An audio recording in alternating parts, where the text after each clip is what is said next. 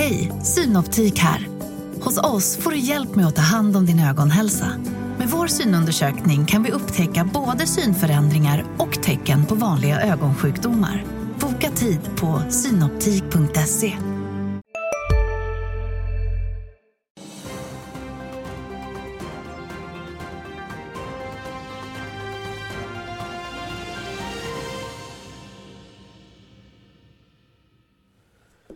Välkomna till DTV och Börsmorgon den här fredagen. Vi har ju sänt eh, redan sedan halv åtta. Många av tittarna är med oss sedan dess. Eh, välkomna ni nya tittare också förstås. Internationellt först. Wall Street relativt stabilt. S&P 500 stängde på plus 1,1% igår. Små rörelser i Asien. Vi har en termin på Stockholmsbörsen som pekar uppåt. Eh, 0,3% uppgång. Vi får se här när börsen öppnar om en kvart.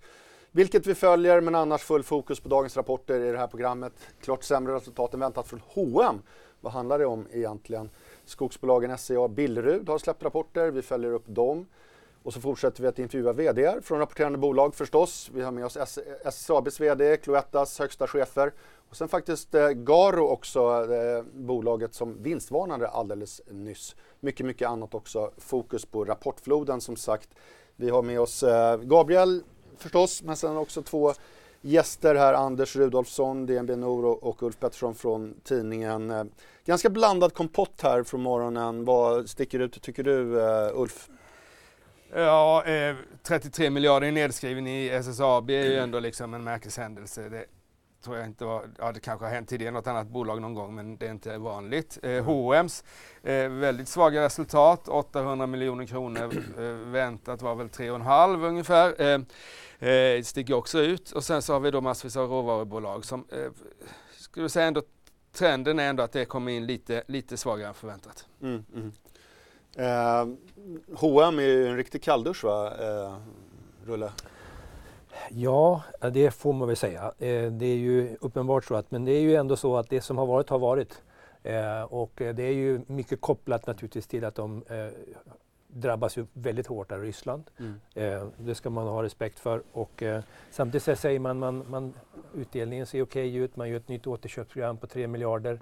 Ganska, får man ändå säga, kom, positiva kommentarer om det här året. Så att det blir ju lite spännande här. Eh, är det forward-looking som, som, som gäller eller är det eh, det som har hänt som kommer påverka börskursen? Men inledningsvis kommer det säkert att åka ner en del, det kan man utgå ifrån. Mm.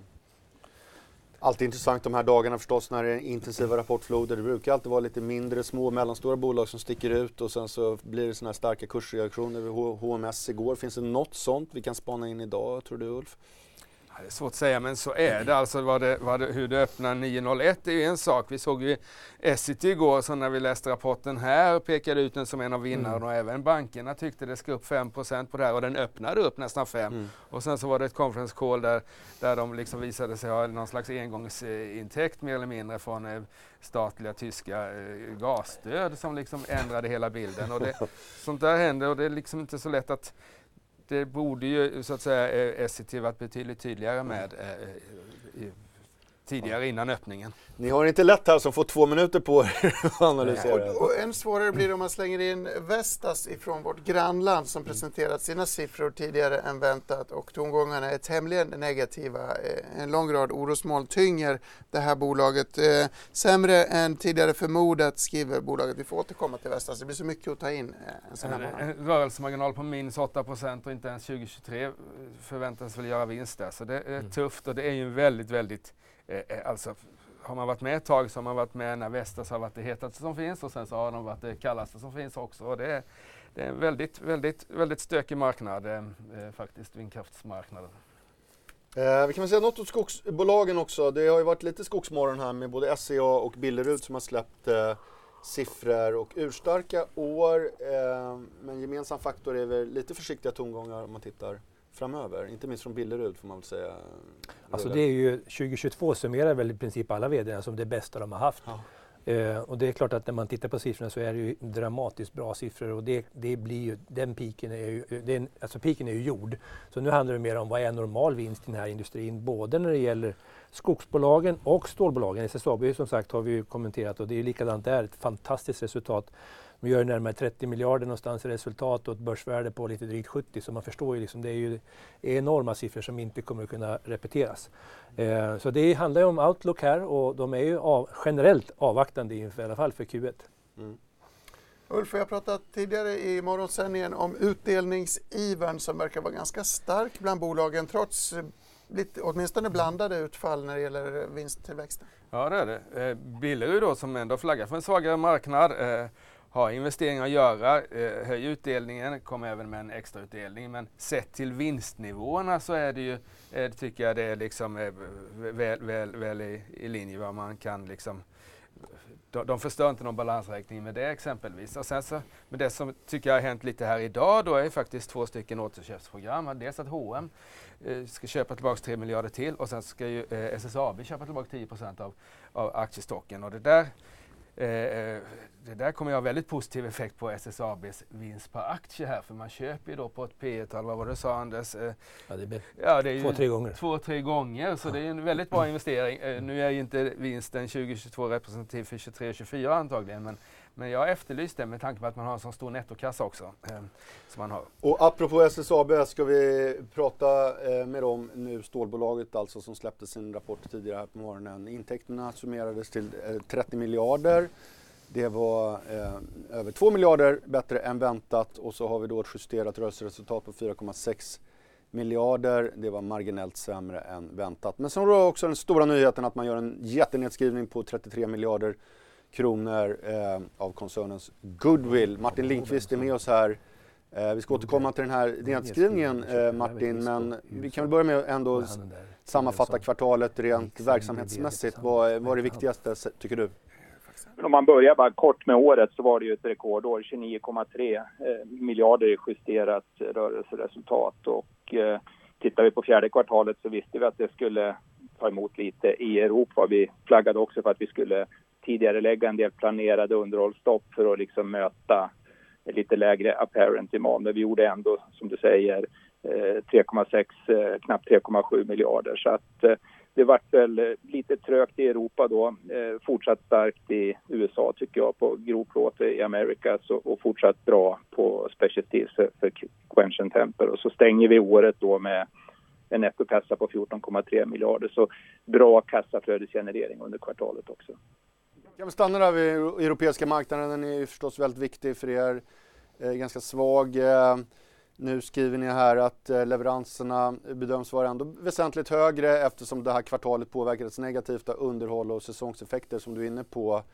Och sen också att de priserna väntas bli lägre under första kvartalet 2023. Vad, eh, kan, kan, du beskriva den marknaden? Det är svårt, eh, i och med att ni hade de här underhållsstoppen så är det svårt att veta vad som är liksom företagsspecifik och underliggande. Hur, hur är den europeiska marknaden egentligen? Men det är ju just det du är inne på. Va? Parent demand var lägre och eh, framförallt det man ser typiskt i fjärde kvartalet, och man såg det här fjärde kvartalet, är att eh, det dras ner på lager i värdekedjan och framförallt eh, framåt slutet av året under december och andra halvan av december. Och då gjorde vi som så att vi tidigare la ett planerat underhållsstopp som skulle kommit 23, eh, la vi Q4 24 och så var tanken då att vi skulle starta upp den masugnen precis i början på januari. Vi startade upp den där andra eller tredje januari. Så att underliggande så tycker vi att det har liksom stabiliserats och, och tittar man på spotpriserna, utvecklingen av spotpriserna så har väl de Eh, börjar väl ticka uppåt här nu på spotmarknaden så att säga i Europa. Men e- Europa var svaga parent demand under fjärde kvartalet men det, det, det visste vi att det skulle vara och det planerade vi för. Skulle ni vilja fortsätta anpassa produktionen på något sätt och, och, och vara flexiblare här med ja, tidigare lägga underhållsstopp eller annat? Är det någonting som är önskvärt eller ens möjligt att göra? Men vi har ju de senaste åren koncentrerat oss väldigt mycket på att bygga eh, flexibilitet i vårt system och för att kunna liksom anpassa och, och, hantera det vi internt kallar low point profit och liksom bygga bättre stabilitet i intjäningen och kunna hantera svängningar. För stålindustrin är ju volatil, men det gäller ju att vara, höll jag på att säga, det minst volatila stålbolaget i den industrin. Så det har vi jobbat väldigt hårt med. Så det kommer vi att fortsätta göra. Nu ser vi inget behov av det för Q1, men, men hitta ett system där vi kan med kostnader och produktionsvolymer och, och, och lager hantera volatilitet eh, tror vi är väldigt viktigt. Och där har vi bedrivit ett eh, fokuserat arbete de senaste åren och det kommer vi att fortsätta att ha som en av våra absolut högsta prioriteter. Nu har vi den här jättenedskrivningen då naturligtvis på 33 miljarder då, som har sina rötter i förvärven, gamla förvärv av Ipsco och eh, Rautaruki då från 2007 och 2014. Och för en utomstående kan det ju tyckas lite konstigt att ni gör det här nu. Eh, vad handlar det här om egentligen? Nej, men det handlar ju om, det är, en re, det är ju redovisningsteknik och det är en one-off och det är ju ett antal saker. Det är väsentligt högre räntor nu, vi har sett över metoder och lite sånt där. Så att eh, det här är ju någonting som eh, inte påverkar kassaflödesgenerering och som inte påverkar intjäningsförmågan. Så att eh, jag ser det som en, som en one-off och eh, eh, ja, det påverkar inte liksom bo, bolagets eh, kassaflödesgenerering som jag bedömer kommer att fortsätta vara okej okay, som den har varit de senaste åren och inte vår intjäningsförmåga heller. Du har gjort en översyn helt enkelt och, och, och, kommit fram till det här baserat på högre räntor? Ja. ja. Eh, ska vi säga något om USA-marknaden också, eh, grov, grovplåt då framförallt. Vad, hur, eh, vad bedömer ni, hur bedömer ni den framöver?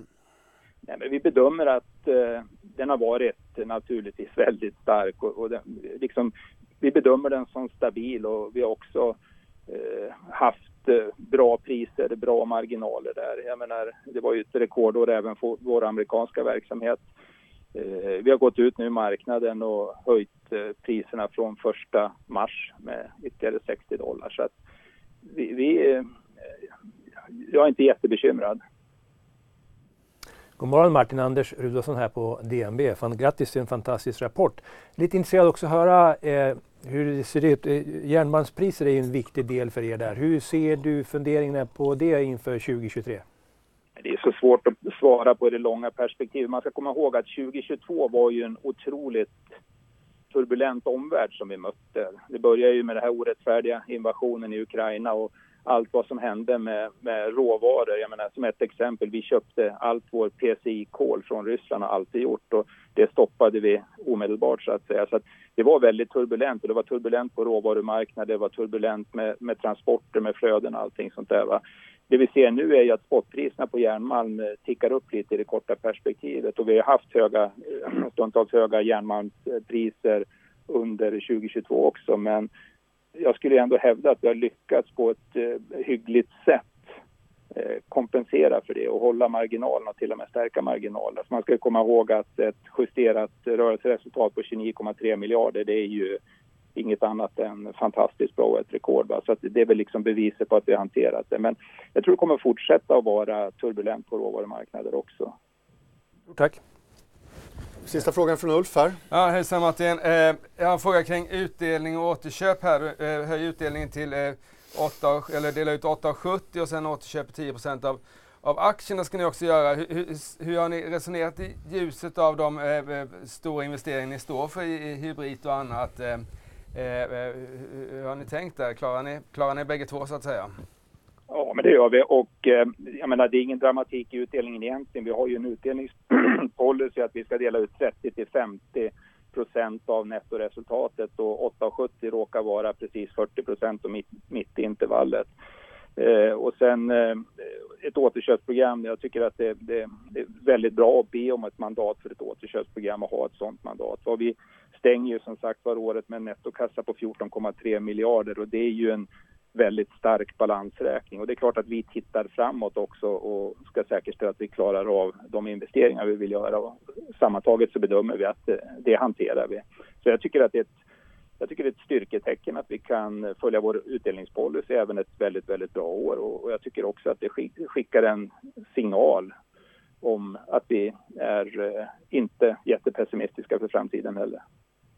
Stort tack eh, Martin Lindqvist, VD SSAB som vill vara det minst volatila stålbolaget. Vi ska prata mer om SSAB och eh, alldeles strax. Men nu har klockan slagit nio. Börsen är öppen.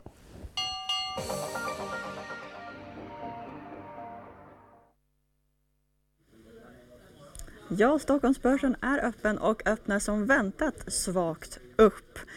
På storbolagsindex ser vi just nu Autoliv i toppen som kommer med rapport senare vid lunch och eh, SCA i botten som jag kommer ut med rapport nu under morgonen. Och huvudfokuset är ju idag rapporterna. Som vi vet Rapportmorgon har varit igång sedan halv åtta och, där, och så har vi fått eh, rapporter från moderbolaget H&M som rasar 7% och rörelseresultatet kom in klart sämre än väntat. Där resultatet påverkats mycket av utebliven verksamhet i Ryssland och och bolagets pågående sparpaket. Stålbolaget SSAB som ni precis har pratat med, de lyfter 4% då rapporten ändå kom in någorlunda i linje med förväntningarna och samtidigt så gör man ju då en rejäl nedskrivning av goodwill på 33 miljarder kronor. Industrikoncernen Trelleborg de slår försäljningsrekord i fjärde kvartalet och föreslår höjd utdelning men spår svagare efterfrågan i början av 2023 och handlas just nu runt nollan.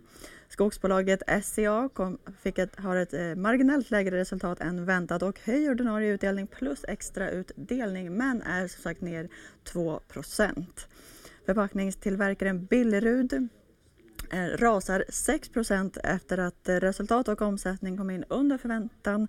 Men med ett starkt 2022 så höjer man ändå utdelningen och föreslår samtidigt en extra utdelning även där. Och på tal om skogsbolagen så har vi fått in en nyhet från Stora Enso som just nu är ner 2% då man säljer pappersanläggningen i Hylte. Samtidigt avbryter man processen att sälja anläggningen i Rajal Anjala. Rapporten från Stora Enso får vi först på tisdag. Och bostadsplattformen Hemnet som jag också varit med oss här nu under morgonen, de, är, de faller nu 8-9 procent då man eh, haft ett lägre resultat än väntat och samtidigt upprepar målen för 2023. Kylskåpstillverkaren Dometic är, de rasar även de 9% då man redovisar en klart lägre vinst än väntat och sänker utdelningen rejält. Och bygghandlaren BHG som ni kommer att prata med här alldeles strax vinst, kommer en vinstminst långt under analytikernas förväntningarna och rasar tvåsiffrigt på det. Och även godistillverkaren Cloettas VD kommer också vara med oss här snart. De är också ner runt 4% då resultatet kom in i linje med förväntningarna men man flaggar samtidigt även för dyrare godis framöver. Och elinstallationsbolaget Garo de är också ner tvåsiffrigt då man vinstvarnar för fjärde kvartalet där det framförallt är affärsområdet e-mobility som tynger samt komponentbrist. Där får vi vänta lite längre på rapporter som kommer om först en månad. Utöver rapporterna så har vi också fått in lite andra nyheter. Bland annat så bekräftar nu borrresultat från 2022 att Lundin Gold har hittat utökade resurser i Ecuador vilket får aktien att lyfta 2,5 procent. Och vind och solparksbolaget OX2 är svagt upp även de då man har påbörjat arbetet med en vindpark i Bottniska viken. Och BioArctics partner Eisai meddelar att den europeiska läkemedels läkemedelsmyndigheten nu har accepterat ansökan om marknadsgodkännande av deras Alzheimers läkemedel och de är upp en halv procent. Och sist så ska vi ta en titt på magasintjänsten Readly som är svagt upp då bolagets budkommitté rekommenderar aktieägarna att tacka ja till Bonniers höjda bud på 14 kronor och 40 öre. Men Stockholmsbörsen är just nu runt nollan.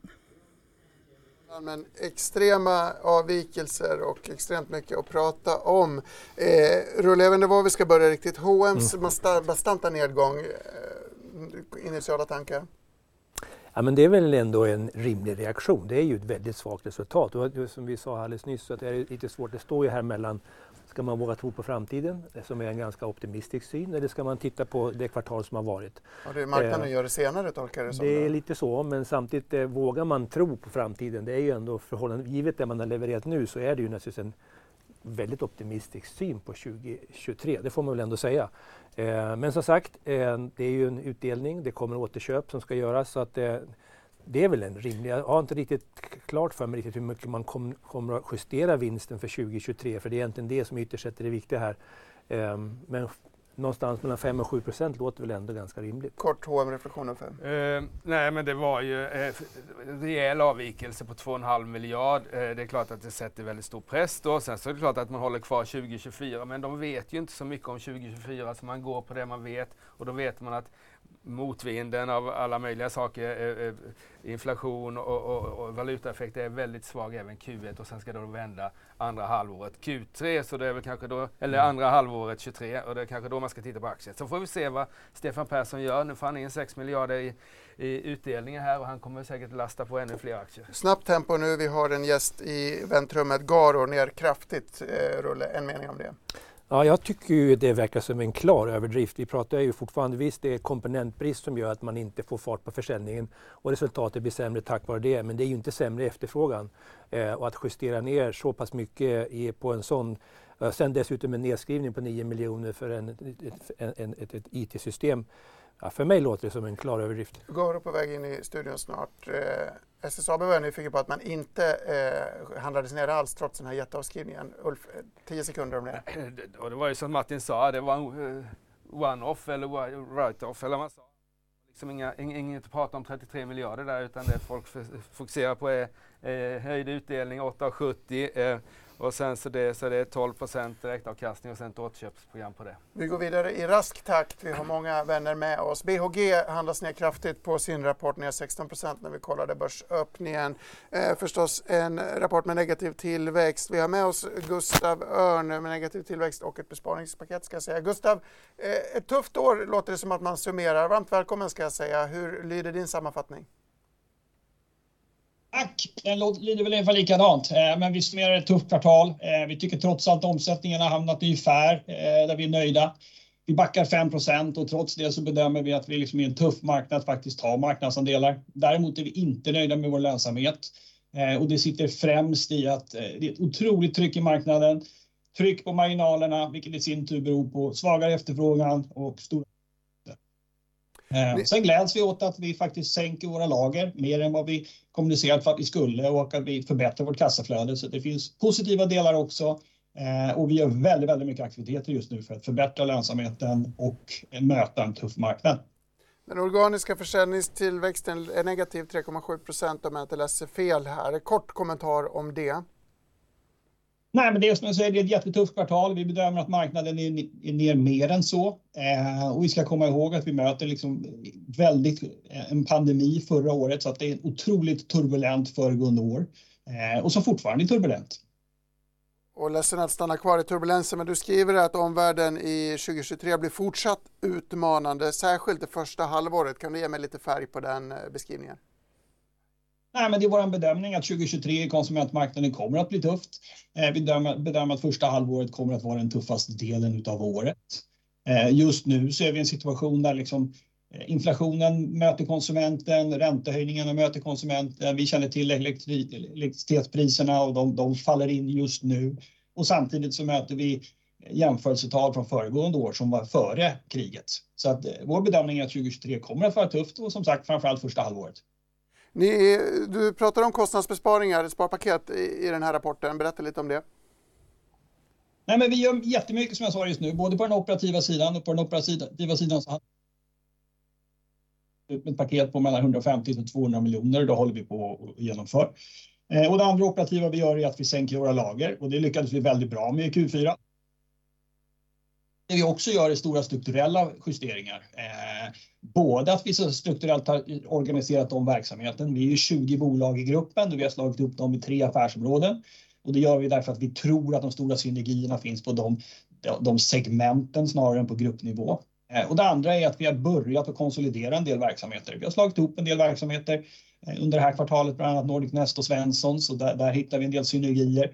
Eh, och vi har också börjat avveckla en del verksamheter som vi inte tycker levererar. Eh, och det här tillsammans skapar en hel del jämförelsestörande poster också.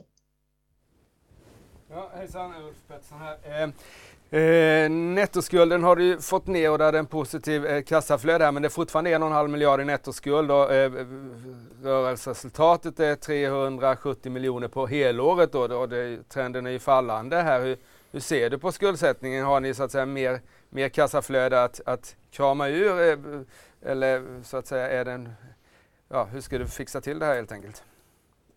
Nej men absolut. Alltså, det är ju glädjande att vi hade positivt kassaflöde i, i, i, Q4 och det är jätteglädjande att vi gjorde vår, vår finansiering här i december som gör att vi stängt, stärkte vår kassa ytterligare. Så det är glädjande. Eh, men framför allt så har vi fortfarande, och det ska vi vara ärliga med, för stora lager. Så vi har mycket, mycket likviditet kvar att realisera genom att fortsätta sänka våra lager.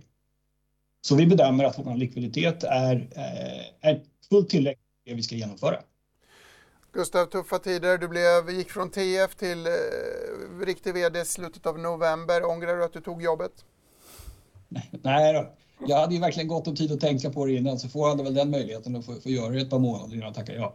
Nej, men jag tycker det är superkul eh, och just nu så är vi supertaggade på allting vi ska göra. Vi gör massor, otrolig aktivitet och bra, bra feeling och bra energi i bolaget. Jättebra Gustav. Tyvärr har vi ont om tid här i studion så jag måste tacka för det här samtalet. Lycka till med det fortsatta arbetet för att hämta in den här svackan. Vi ska snacka om BHG i studion om en liten stund Pontus, men vi har en till VD med oss, eller hur? Ja, vi har ju det. Vi har ju pratat lite om det här under morgonen. Elinstallationsbolaget Garo som meddelade här under morgonen att omsättning och resultat beräknas bli lägre än förväntat under fjärde kvartalet. Vi har fått med oss här Patrik Andersson, VD Garo. God morgon. God morgon. Patrik, du kan väl börja med att förklara vad som ligger bakom det här beskedet från er?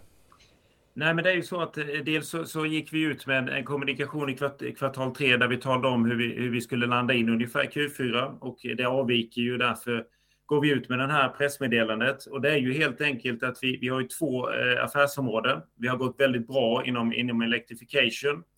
Eh, vi har dock bra orderingång och orderstock i Mobility, men vi har hämmats helt enkelt eh, av vår leveranskapacitet på grund av eh, komponentbrist inom elektronik, vilket har gjort att vi inte har kunnat leverera den volym som vi skulle vilja under kvartal fyra. Därför går vi ut med den här informationen. Men man kan ju också meddela att vi är också inne i ett plattformsbyte, Eh, som vi också meddelar att vi har en engångspost på 15 miljoner. Och Vi har ju helt här under december lanserat en helt ny eh, laddbox och plattform som vi börjar nu att leverera i första mars. Och Den är viktig eh, i många aspekter. Dels så blir vi mer oberoende av vissa leverantörer inom elektronik, så det öppnar en bättre dörr för hur vi ska kunna sourca material till större volymer. Så det är väldigt, väldigt positivt och att vi har två affärsområden som kan hjälpa till när det är lite tufft. Hej, Ulf Kristersson här. På många sätt är det en mörk tid vi lever i. Men nu tar vi ett stort steg för att göra Sverige till en tryggare och säkrare plats. Sverige är nu medlem i NATO. En för alla, alla för en. Har du också valt att bli egen? Då är det viktigt att skaffa en bra företagsförsäkring. Hos oss är alla småföretag stora och inga frågor för små. Swedeas företagsförsäkring är anpassad för mindre företag och täcker även sånt som din hemförsäkring inte täcker. Gå in på swedea.se företag och jämför själv. För kvartal som det här. Patrik, jag måste fråga dig. Ni skriver samtidigt då att orderingången är fortsatt stark, vilket då naturligtvis resulterar i en väldigt hög orderbok. Så att jag gissar att en väldigt viktig faktor här, det är ju om era konkurrenter också har liknande bekymmer, om det ser likadant ut. Alltså, min fråga är egentligen kvaliteten på den här orderboken. Finns det risk att de här kunderna är flyktiga och hoppar på om de helt plötsligt kan få leveranser av någon av era konkurrenter? Jag skulle vilja säga att nej, den är inte speciellt stor. Och varför säger jag det? Eh, just nu så är det väldigt mycket publik laddning som säljs eller komplexa system, vilket innebär att man har ganska lång framförhållning och det är inte helt enkelt bara byta en leverantör på den typen av system. Hade vi pratat att det var väldigt mycket mot villamarknaden, vilket har varit lite lugnare nu i och med att bilindustrin har haft väldigt svårt att leverera bilar. Där är det mycket enklare att byta ut så att den orderstock vi har idag är väldigt mycket på komplexa system, så det finns väldigt liten risk i att de byter leverantör. Du, när blir den här situationen bättre då? När kan vi förvänta oss att allting är normaliserat när det gäller leveranser?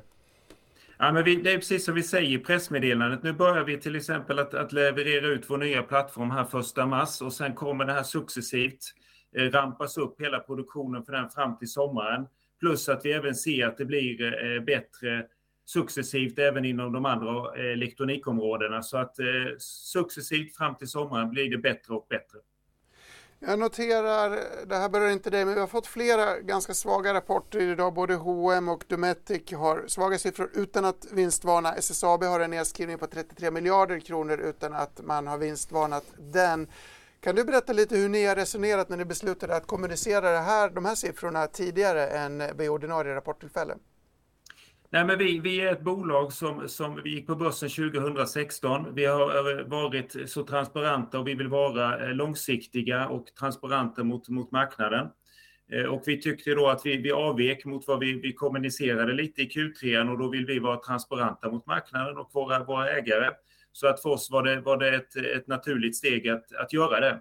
Sen tror vi långsiktigt på den här affären och det är det vi jobbar för, men vi känner att vi måste ge dem de beskeden och det var helt enkelt våran, våran bedömning. Och avslutningsvis, om du ger en framåtblickande eh, hejdå-hälsning eh, med din beskrivning av den underliggande efterfrågan, hur ser den ut? Ja, men alltså det finns ju en fantastisk marknad. Eh, vi känner ju ett tryck. Jag menar paradigmskiftet, omställningen till elbilar, inte bara inom personbilar utan transport, transportsektorn, den sker. Eh, infrastrukturen med ladd eh, ligger långt efter, den behöver byggas ut i hela Europa. Så det kommer vara en fantastisk marknad och vi har också nu tagit fram produkter och plattform som stödjer den framtiden långsiktigt.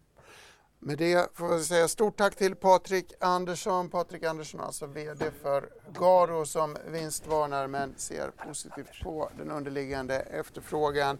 Eh, vi ska, samtidigt som vi tackar Patrik så ska vi säga varmt välkommen till Henri de Sauvage, någonting som är på plats här i studion, ja, väldigt tack. roligt. Men du har inte med dig något godis? Ja, jag tänkte när man kommer som godisbolag måste man också ta någonting för kaffet när ni står i hela morgonen. Så det är en produkt från Holland faktiskt. Vad trevligt. Holland förstås, som jag tänkte att vi ska prata jättemycket om i, i, under ditt besök här. Men ska vi börja med rapporten? Kan vi få ja. en sammanfattning? Skicka inte iväg ja, den ja, ja, ja, du vi fick en, eh, ja, smaka det. Eh, vi fick en eh, nästan 10% organisk tillväxt och som ni vet är det nu den åttonde kvartal på rad var vi har tillväxt, precis som vi hade innan corona. Och som jag tidigare sagt, vi har inte haft tillväxt i Cloetta för tio år, så det började i 2018. Så det är fint. Också Pick Mix, sju kvartal med tillväxt.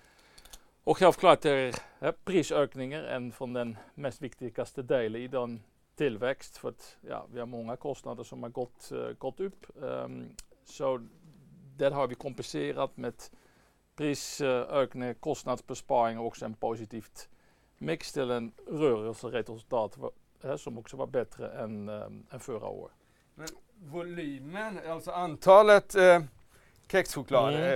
är, det, är det upp eller ner? Är, är det bara pris som Nej, som det är inte det bara pris. Ja, det, det, är nästan bara pris på, mm. på den sätt, men uh, vi har bara i den fjärde kvartalet en liten nedgång för volymen. Det är små procenter. Så det, det är faktiskt en, ett tecken att våra varumärken är faktiskt starka.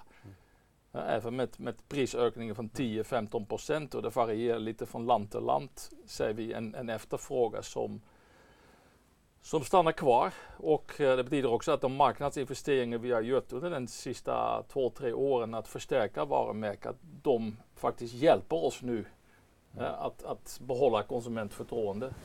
Gabriel ställer frågan om Holland sen, men jag tänkte eh, just, just, just, just, varumärken här, för det, men, och vi pratade om det tidigare i morse också. Eh, dyra grejer säljer bra eller, och, och, och, billiga grejer säljer bra, mittemellan är jobbigt. Hur, har man sett eh, en ökad konkurrens från egna varumärken och sånt där i, i butikerna? Från handlarnas egna? I, ja, i, i godis och chokladbranschen eh, är, är AMV andel inte så jättestort. Det är bara, skulle jag säga, i England var AMB är, är större och är lite mer i, i Holland. Mm. Um, men även där försvarar vi bra och, och ökar vi marknadsandelen till exempel i, i godis i, uh, i Holland och, och Chewit som är vårt uh, uh, godisvarumärke i, i England som, som blir bättre och bättre. En filosofisk fråga då. I Sverige så känner ju alla till kexchoklad och bilar och de här väldigt ja. starka varumärkena. Ja. Jag kan tänka mig att man vill betala. När ni expanderar utomlands, då är ni en uh, nobody. Måste man jobba annorlunda då? Det skulle, det skulle bli jobbigt om vi skulle bli en nobody. Så ja, Fenko är mer än 100 år gammalt i Holland. Så, som du känner kex så har vi Venco eller Redband i, i Holland eller TV Mix i, uh, i Finland eller Redband i, um, i Tyskland men även i andra länder, i Thailand, eh, Mellanöstern har vi produkterna som Redband Tutti Frutti som har varit där över 50-60 år. Så vi, vi satsar på de varumärken som känns länge i de marknader och vi aventurerar inte så mycket inom nya länder med nya varumärken för det blir dyrt att, att bygga upp. Så man för, förvärvar sig till tillväxten och så expanderar man befintliga eh, starka produktnamn? Ja, vi behöver inte förvärva för vi har haft dem, Redband som mm. ett typ som gått en blandat. Det har vi haft 50-60 år i, i Mellanöstern, i Thailand, i eh, Kanada, i uh, Schweiz. Så det är mer att vi inte har tagit hand kanske så bra om de positioner och nu gav vi det en lite love och attention säger jag alltid till företaget och började växa. Eh, vi går in i, många har ju ett väldigt tufft år framför sig mm. med höga energipriser, högre räntor överallt. Ja. Eh, och du har varit med länge eh, och även Cloetta som över historik. Eh, påverkas försäljningen överhuvudtaget eh, när man går in i en sämre marknad? Jag tänker i perspektivet en, en snittportfölj, eller en, mm. en snittpåse man handlar är 400 kronor. Hur stor del av den där är liksom godis och påverkas den överhuvudtaget? Ja, så hittills har vi inte sett en enormt uh, påverkan. Så, men, men också kanske lite för tidigt att säga en påverkan. Men historiskt kan vi säga från de gamla finanskriserna mm. vi har haft att vårt kategori och Clovetta är mycket mindre påverkat. Så folk, när det är tufft, vill fortfarande njuta sin moment. Och vi, vi talar här inte om om 100 eh, kronor eller 1000 kronor snittköpet från, av en Clovetta-produkt är, är lågt. Så vi är inte så påverkade. Men självklart ser vi att det finns en förflyttning till låt oss säga de mer lågpriskedjorna eh, eller eh, de, de eh, kanalerna var man kan hitta kanske en, en billig produkt. Men vi har redan för många år har vi i vårt filosofi att, att våra produkter ska erbjudas i alla olika kanaler var konsumenterna handlar. Du, Uh, uh, resultatet här så 16 procent upp i resultat Q4 21 helåret. Det uh, har ju varit ett väldigt turbulent år på alla sätt. Hur ser det ut med kostnaderna framöver? marknadsföringskostnader, mm. ökar, minskar de?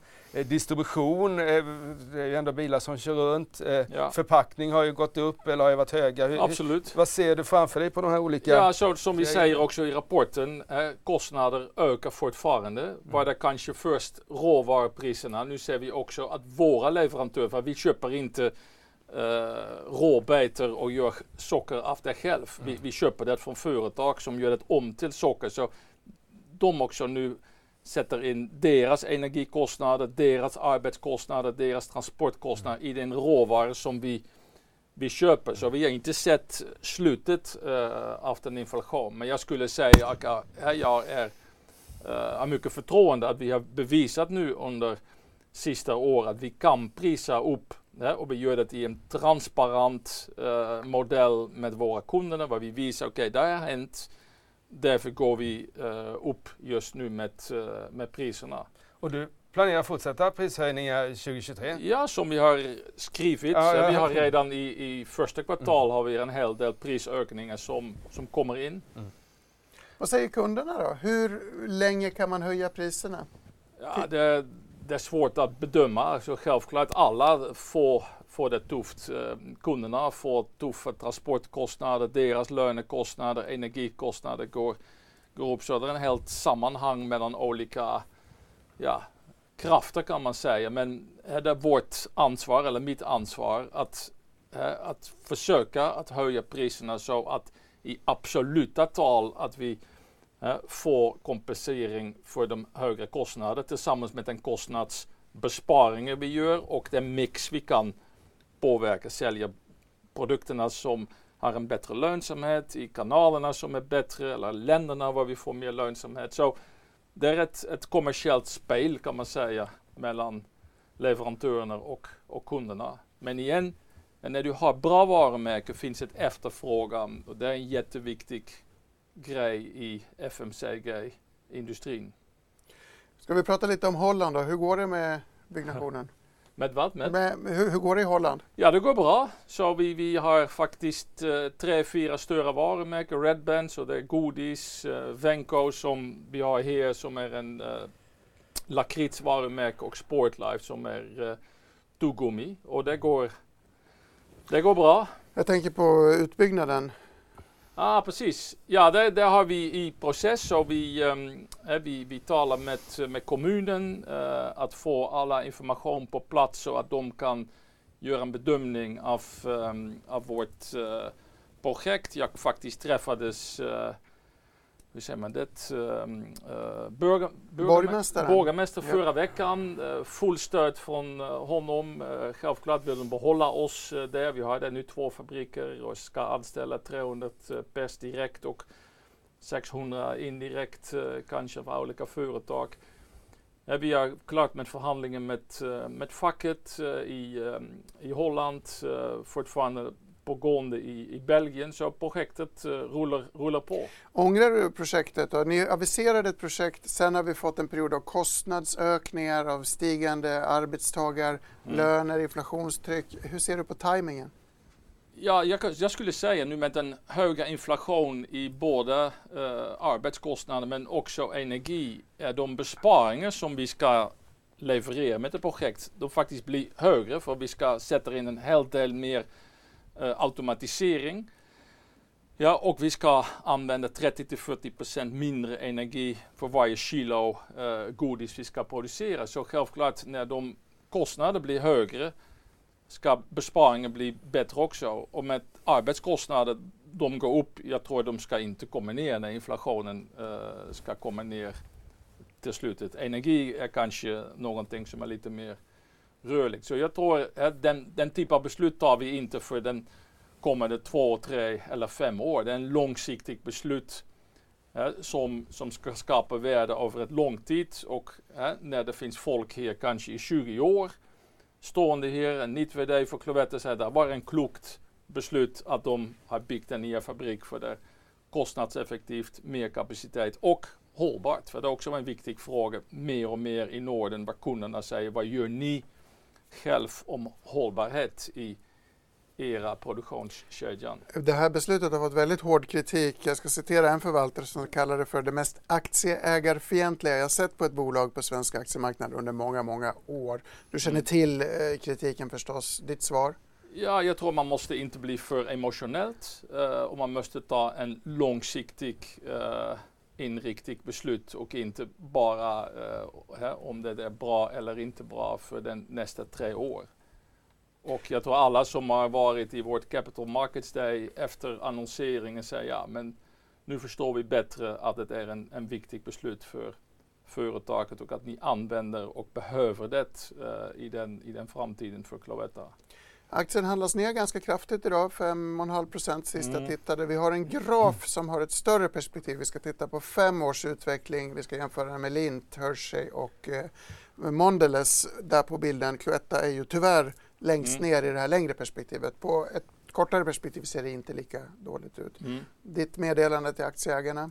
Nej, att vi har um, sedan 2017 har vi tagit en annan uh, strategi som var mer långsiktig, som har uh, uh, investerat mer i våra varumärken, att skapa en långsiktig framgångsrik företag och det, det ska komma ut som vi har nu också levererat kvartal efter kvartal bra resultat. Men som det är med aktiemarknaden, man måste vinna den förtroende att de investeringar var, var bra och, eh, och leverera och det ska vi göra. Jag pr pratar mycket om den svenska kronan. Har du någon mm. uppfattning om Sveriges valuta som är väldigt låg? Ja, jag blir betald i svenska kronor så uh, självklart är det en, uh, en bra valuta att, uh, att ha. Nej men det hanterar vi precis som, som råvaror. Så Ja, när valuta går ner, då blir det i den samma diskussion med kunderna som vi hade förut om, om råvaror blir det okej. Okay. Det är oljepris, det är, ja, det, det är inflationen och det det är svenska kronan. Så det är dåligt för allt vi måste importera för de råvaror blir dyrare och då måste vi prisa. Vi har också en fabrik i Ljungsbro där vi producerar allt vårt choklad och där säljer vi inte så mycket utomlands men till, till Finland och i, i Norden och de produkterna blir kanske lite mer eh, kostkompetitivt. När du kommer in efter en helg, måndag morgon, sätter dig framför datorn så här. Vad är Ja. det första du tittar på? Dagens Industri såklart. Men de är- Ja, jag tittar, jag tittar på på, Dagens Industri. Nej, jag- skulle säga på, på tisdag, det är ännu viktigare, på tisdag tittar vi varje vecka på försäljningssiffrorna och forecast. Det är, det är kanske kvart i åtta ringer alla eh, människor som sitter i mitt team. Vi ringer in tillsammans med fabrikerna och finans och då tittar vi hur går det. Och jag, jag gillar det för det, det ger en puls i, i bolaget. Eh, Ja, det är kanske lite kortstyrt men veckovis, men det är en viktig eh, Men kan mig. styra veckovis produktions och utskick och så där? Så det är så du agerar eller? Eh, nej, det, det är inte så, men eh, jag tror det är viktigt att man behåller en, en, en finger på pulsen om, om hur utvecklas grejerna. Och då kan man också agera faktiskt snabbt när någonting går bra och du kan göra mer av det eller någonting går dåligt och du måste ta åt gärder och inte vänta en månad eller en, en kvartal och säga oops, det var inte så bra, vad ska vi göra, göra nu? Nå- Något som man har märkt i butikshyllorna mer och mer eh, senaste ska vi säga, tio åren det är att man kommer med liksom varianter. Det kan vara liksom, eh, ska vi säga, eh, salta, eh, Mm. salta grejer i chokladen och man blandar ihop varumärkena och det är betydligt mer tillfälliga produkter och sånt där. Är det, är det lönsamt? Ser man det som en marknadsföring eller är det ett sätt att behålla platsen i hyllan? Eller hur, hur, för det måste ju ändå, ändå ha en kostnad det, så att säga. Exakt, så det är en från den sakerna vi har förändrat, vad vi hade för mycket, på engelska säger man line extensions, så produkterna som är nästan samma sak som den original, som är kanske bra för ett, ett år, men sen levererar nästan ingenting extra. Så vi, vi har omorganiserat vårt helt arbete och sagt okej, eh, okay, 50 procent av våra resurser ska jobba med produkterna som är riktigt annorlunda tar lite mer tid, men de skapar en, en riktigt mervärde. Så när vi tittar nu på Gotland blandat äkta frukt, det är godis som vi gör med 50 procent plus frukt, det är fruktpuré som vi använder, 50 av, av innehåll. Ja, och det är någonting som konsumenterna tycker om, för de säger okej, det är naturligt, eh, vi vet var det kommer ifrån. ehm, men det är svårt faktiskt eh, att producera. Ja, I Finland har vi gått med våra Tupla uh, chokladvarumärken har vi gått in i, ja, i små bites. Det, det, det talade vi redan om när jag började i 2018 talade vi om och nu är fyra år senare. Det är tekniskt men det var en kanonsuccess. Det gick bang upp i marknadsandelar och försäljning. Så jag är helt med med dig. Den typ av innovationer, de leder till en extra värde för konsumenterna och till slut för kunderna och för oss. Men det är inte så lätt. Henri, vi har slut på tid. Ja, jag har aldrig skulle- haft varit här så länge. Så, Jag skulle gärna prata längre. Jag vill veta om det är sant att man äter en kexchoklad eh, varannan sekund läste jag någonstans att det äts en I kexchoklad Sverige, ja, ja. Det, det, i, I antal är det, jag tror den största artikel i hela Sverige faktiskt. Eh, Så det, Ja. Tyvärr har vi inte vi har tid att äta kexchoklad men vi måste bryta och Ja. till Matilda i Studio 2. Men vi säger stort tack till Henri Dussauvars Norrting förstås, Cloettas VD. Matilda, varsågod. Tack så mycket. Spännande med Cloetta. Och här ute har det ändå hunnit hända en hel del. Stockholmsbörsen har klättrat uppåt en halv procent. Och det är ju verkligt starka reaktioner på morgonens rapporter. Framförallt H&M som verkligen tynger storbolagsindexet just nu och är ner 6 procent. Och i toppen bland storbolagen är just nu SKF. SSAB och Trelleborg är ju faktiskt de enda som stiger på rapporterna nu och Billerud de tappar 3% samtidigt som vi också nu fått in att i USA så har nu Michigans representanthus och senat antagit lagstiftning som godkänner ett investeringsstöd på upp till 2 miljarder kronor för att stödja Billeruds planer för att transformera sitt bruk i Escanaba. Nu väntas bara godkännande från Michigans guvernör och det väntas komma inom två veckor. Annars är ju både SCA eh, Hemnet Dometic BHG och Cloetta ner just nu. Störst dras vi i BHG. Autoliv de är upp nästan 2 nu inför dagens rapport och Garo de rasar efter vinstvarning för fjärde kvartalet. Lundin Gold de får ett eh, lyft över 2% då borrresultat visar att man har hittat utökade resurser i Ecuador. Så vi ska också ta en, en snabb titt på några av gårdagens rapporterande bolag som har fått lite rekar. Bland annat som Volvo som vi nämnde har fått höjd riktkurs från DNB och Carnegie och är upp närmare 2 SEB är också upp. De har fått höjd riktkurs från flera olika banker. Och ST som har fått höjd riktkurs från Carnegie är upp en halv procent. Även Atlas Copco är upp en halv procent trots att man har fått en sänkt riktkurs från flera banker. Gränges är upp 1 procent och man får en höjd kortsiktig rekommendation från Handelsbanken från sälj till behåll. Och Stockholmsbörsen fortsätter att klättra strax över en halv procent upp. Eh, vilken morgon! Otroligt många nyheter, otroligt dramatiska kursrörelser i flera fall. Vi ska avsluta, inte med att sammanfatta rapportsäsongen utan att nämna Husqvarna som klättrar. Varför det? Eh, Rulle, ursäkta. Ja. ja, det är tydligen intressanta nyheter där och eh, tyska Bosch har då köpt 12 procent av Husqvarna och eh, tanken är att man ska då försöka eh, se möjligheterna till ett bättre samarbete framförallt på batterisidan. Där har de ju jobbat ihop tidigare men det här verkar ju vara ett mycket mer strategiskt tänk då kring den här, den här eh, affären. Och det kanske man kan förstå. Vi vet ju att det, det har gjorts stora eh, förhoppningar och investeringar från Husqvarnas sida Eh, och, och liksom alla är på väg mot batterilösningar och det, uppenbarligen så ser hus, eh, Bosch en möjlig väg in i det här och, och kunna leverera ensam leverantör kanske. Det kanske kan bli ett antitrustproblem på sikt men i det här läget så är det ju uppenbarligen så att man vill visa att man är, visar allvar och köper 12 procent av aktierna. Ja, och frågan är vad de har fått tag på de där aktierna. Vi har inte sett vi har inte sett någon nedflaggning. Jag undrar om de har fått tag på dem på marknaden, om de har gått från så det kan ju finnas en överenskommelse med någon av de stora ägarna här på något sätt, Investor eller Lundbergföretagen, eh, som har lämnat det här. Vi får väl se, men det är ju en väldigt intressant information och man har ju så att säga med 12 procent så är man över de viktiga 10 då sitter man ändå med liksom eh, i, i, i det här. Så det, och aktien är ju upp, eh, det är ju det är ju dagens vinnare då, 15 procent upp tyckte jag såg. Eh, då skulle man kunna tänka sig att en sån rörelse indikerar att någon i alla fall tror på någon slags bud eller riktig strukturaffär, eller? Ja. Spekulerar jag. Alltså, det kan man inte utesluta i det här läget. Naturligtvis. Man vet ju inte så mycket i det här läget. Naturligtvis, eh, det har inte sett något pressmeddelande eller något sånt där, men det lär väl komma. Eh, det brukar inte ske på en gång utan nu är det den första, man, man lägger ett visitkort där, det är uppenbart. Sen får vi se hur stort det här visitkortet blir över tid. Ganska stort visitkort, 12 procent av Husqvarna ändå. Ja, det är stort, men Bosch är ett stort bolag också, får man inte glömma bort. Så det, det, är nog inte, det är uppe på styrelsenivå, men det är liksom ingenting problem, inget problem. Om, om Bosch vill köpa Husqvarna så, så finns kapitalet där. Eh, det är något som är intressant, det är ju den här bil, eller el förflyttning. Vi pratar om elbilar och, och som, liksom, som alla vi alla ska ha, men det gäller ju även på alla marknader. Det gäller mm. även på de här motorgasklipparna som inte kommer vara så att säga som inte kommer ha någon bensin i sig längre utan bara el. Och det är där man försöker då hitta ett, ett sam och samarbete. Och vi har kommenterat, de behöver laddas. Var går man då? Till Garo! Till Garo.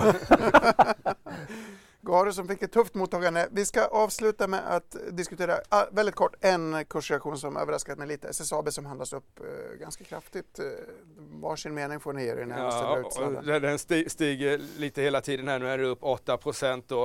Eh, och eh, ja, dels Ja, den är i linje resultatet men jag tror det har att göra mycket med eh, återköpsprogrammet och utdelningen här. Mm. Eh, att, att den stiger så pass mycket. Rulle, avslutande reflektion? Eh, nej, men jag såg också igår hade du en konkurrent i USA, Steel Dynamics, eh, handlades igår på all time high efter sin rapport. Så att eh, det är ju, man letar sig in i verkstad eh, tycker jag man ser. Och det är väl förhoppningen om att vi har sett det värsta kanske och att man tror på kanske på sikt lite lägre räntor, att det ska kunna hjälpa, att det blir en mjuk landning istället för en hard landing. Mm, vi ska mjuklanda det här programmet, men till sista USA-reflektion. Jag tittade på Tesla igår, intressanta kommentarer. Intel handlades ner kraftigt, men Hasbro, de vinstvarnade väl leksakstillverkaren? Eller ja. var det en svag rapport? Nej, ja, det var en svag rapport och aktien var ner ordentligt igår och eh, vi ser idag, tror jag, eh, viss read across kan man väl se på Embracer som mm. har liknande produkter. Eh, svårt ändå att göra någon övergripande read across rakt på men lite grann för sentimentet som helhet. Mm, ännu en snöflinga i den, i den, vad ska man säga, avalanche, den, eh, det jordskred, den, jag har glömt ordet, svenska, när det kommer jättemycket snö. Nu förstår jag inte alls. Lavin, Lavin. en lavin av rapporter och intryck och vinstvarningar som vi har hanterat. Eh, gästerna är mer positiva än jag till det samlade utfallet. Blandade signaler har i alla fall varit. Väldigt roligt har det varit också. Ulf Pettersson, Anders Rudolfsson bredvid mig, Pontus Herin som förbereder nästa sändning och jag, Gabriel Mellqvist, tackar för oss denna fredag. Trevlig helg också när den väl kommer och missa inte Börskoll klockan 14 och Börsrådet också det är på väg ut lite senare idag. Därmed tack för oss, ha det gott.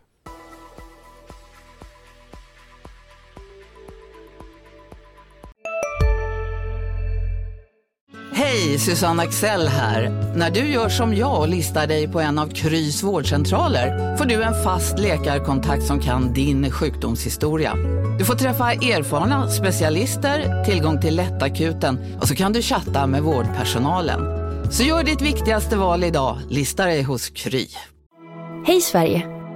Apoteket finns här för dig och alla du tycker om. Nu hittar du extra bra pris på massor av produkter hos oss. Allt för att du ska må bra. Välkommen till oss på Apoteket.